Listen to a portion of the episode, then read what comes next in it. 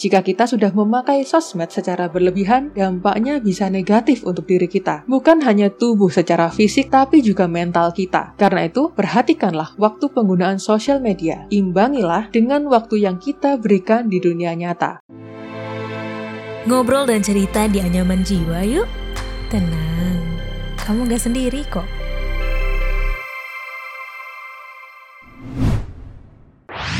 Sobat Medio, podcast Beginu yang dibawakan oleh Wisnu Nugroho, pemimpin redaksi Kompas.com siap bekali kamu dengan obrolan penuh wisdom mulai dari Dahlan Iskan, Najwa Shihab, Jason Ranti, dan sosok inspiratif lainnya.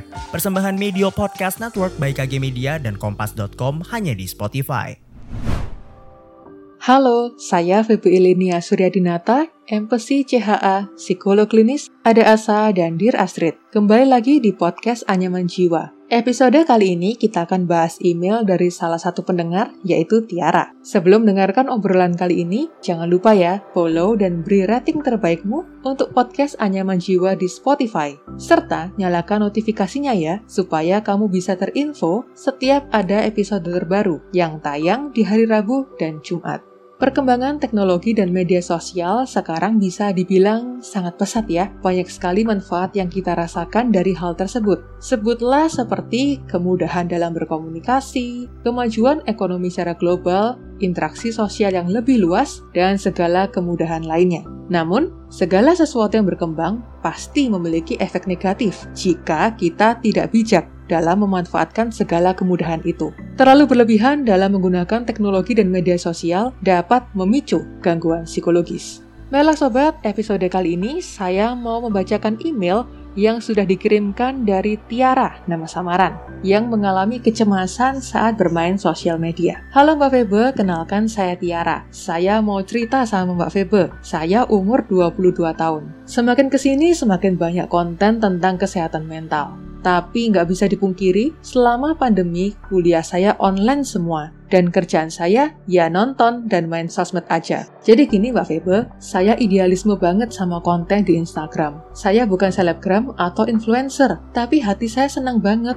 kalau koleksi foto saya bagus dan rapi. Saya juga suka kalau like-nya banyak dan dapat komen yang positif. Ini terjadi beberapa kali saya mengunggah foto-foto saya. Saya selalu nunggu dalam berapa menit bisa berapa like ya. Kemudian saya buka tutup Instagram terus untuk mengecek. Tapi ternyata setelah hampir berjam-jaman, yang like foto saya sedikit mbak, dan saya jadi nggak pede dan jadi resah kalau like-nya sedikit, atau kalau nggak sesuai ekspektasi saya, atau kalau saya merasa foto saya kurang cantik. Saya akhirnya hapus foto saya. Nggak cuma saya, tapi banyak teman-teman saya yang fokus ke foto Instagram. Mereka juga menghapus fotonya jika like-nya sedikit. Mbak Febe, saya mau tanya, apakah ini dinamakan gangguan kesehatan mental ya? Lalu saya harus bagaimana agar bisa mengurangi hal tersebut? Dan apakah ada efek panjangnya yang bisa berefek ke fisik? Terima kasih ya Mbak. Hai Tiara, terima kasih kamu udah berani cerita dengan saya. Sebenarnya apa yang dialami oleh Mbak Tiara bisa dikatakan wajar. Semua orang di dunia ini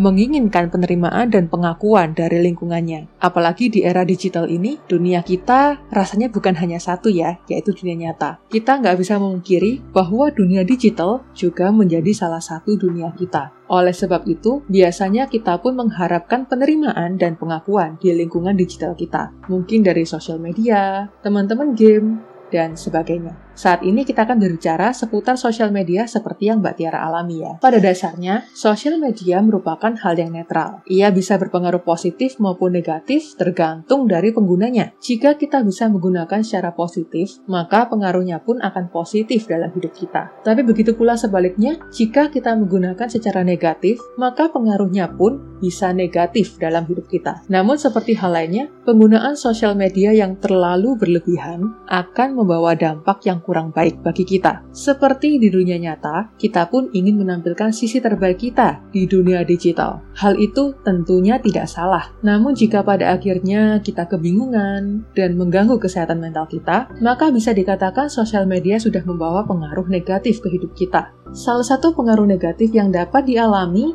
adalah kecemasan. Apa yang Mbak Tiara rasakan saat ini merupakan tanda-tanda kecemasan dalam bersosial media. Namun, belum tentu Mbak Tiara mengalami gangguan kecemasan ya, karena untuk memastikan seseorang mengalami gangguan kecemasan, kita perlu berkonsultasi langsung dengan tenaga profesional. Berikut ini tanda-tanda kecemasan dan dampak dalam bersosial media yang berlebihan. Yang pertama, cemas jika lepas dari ponsel atau jika ponsel tertinggal atau kehabisan baterai atau tidak ada sinyal. Akhirnya kita merasa tidak berdaya jika tidak ada ponsel. Yang kedua, kepercayaan diri menurun dan merasa gelisah ketika melihat foto influencer yang bagus atau merasa tidak bisa mencapai jumlah followers atau like yang banyak. Yang ketiga, cemas saat jauh dari media sosial. Setiap kali tidak membuka media sosial, kamu merasa khawatir jika ketinggalan berita. Yang keempat, terus-menerus memantau lini sosial media. Tidak hanya memantau akun orang lain, kamu juga mengecek akun diri sendiri terus-menerus. Kamu melakukannya untuk memastikan jumlah like,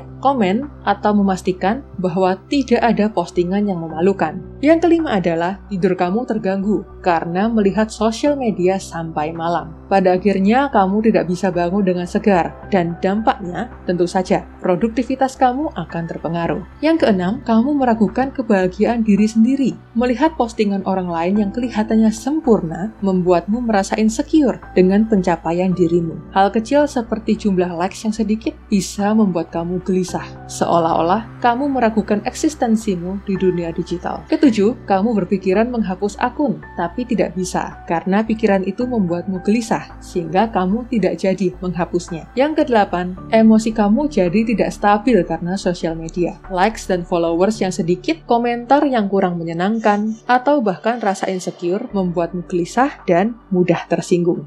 Jika Mbak Tiara sudah merasakan beberapa hal seperti itu, maka langkah pertama yang perlu dilakukan adalah 1 kamu bisa batasi penggunaan sosial media. Beri waktu kepada diri sendiri berapa lama mau menggunakan sosial media dalam sehari. Jika perlu, berkomitmenlah untuk tidak menggunakan sosial media sementara waktu. Langkah yang kedua, ganti kegiatan medsosmu dengan kegiatan lain di dunia nyata kegiatan yang sama-sama mengasihkan, atau hobi-hobi yang tertunda bisa jadi pilihan Mbak Tiara. Langkah yang ketiga, berhentilah membandingkan diri kita dengan orang lain. Media sosial bisa membuat kita merasa insecure dengan penampilan influencer-influencer yang sempurna. Tapi perlu disadari ya, bahwa tidak ada manusia sempurna. Daripada kita iri dengan penampilan mereka, coba sekarang kita belajar mengenali kelebihan kita. Fokuslah pada pencapaian-pencapaian kecil yang pernah kita raih dan belajarlah bersyukur atas hal-hal tersebut. Langkah yang keempat adalah pergi ke tenaga profesional. Jika dirasa kesulitan, tidak ada salahnya loh bagi kamu untuk berkonsultasi ke profesional kesehatan mental. Oke Sobat Medio, sosial media adalah sebuah alat yang pengaruhnya bisa positif maupun negatif tergantung penggunanya. Jika kita sudah memakai sosmed secara berlebihan, maka dampaknya bisa negatif untuk diri kita. Bukan hanya tubuh secara fisik, tapi juga mental kita. Karena itu, perhatikanlah waktu penggunaan sosial media dan sebisa mungkin imbangilah dengan waktu yang kita berikan di dunia nyata. Selain itu, terus tingkatkan potensi diri kamu agar kepercayaan diri ikut berkembang.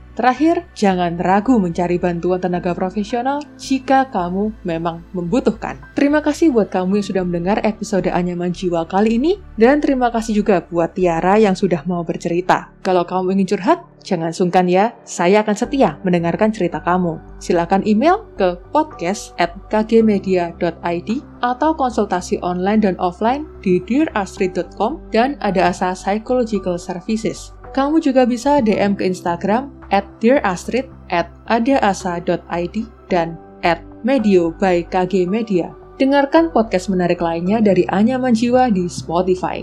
Saya, Febe Ilinia Suryadinata, Empati CHA, Psikolog Klinis, Ada Asa, dan Dir Astrid pamit dulu. Tunggu episode berikutnya ya. Bye-bye. Yah, udah selesai episode kali ini. Tungguin episode Anyaman Jiwa selanjutnya ya.